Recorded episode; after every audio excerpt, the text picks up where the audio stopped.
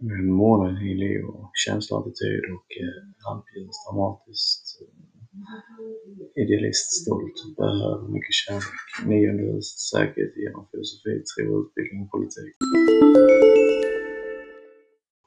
Mm, Solskorpionen handlar om ego, identitet och själva rollen i livet. Solskorpionen står för en personlighet som vill gå till botten med det hela, kan leda till manipulativa tendenser och makt själva the truth. Tolfte huset, privat hemlighet och insikt.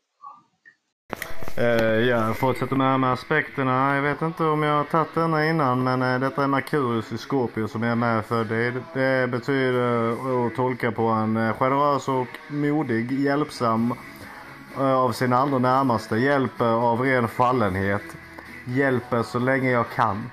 Osjälvisk, eh, det förtjänar respekt i längden. Eh, tyvärr så kan jag eh, råka ut för svartsjuka hyckleri. Eh, jag har Jupiter i Jungfru. Lättsam men väldigt tyst. Eh, jag har även en Mars plus Jupiter-aspekt och det gör att jag får vara med om väldigt annorlunda händelser. Heders... Vad fan står det här?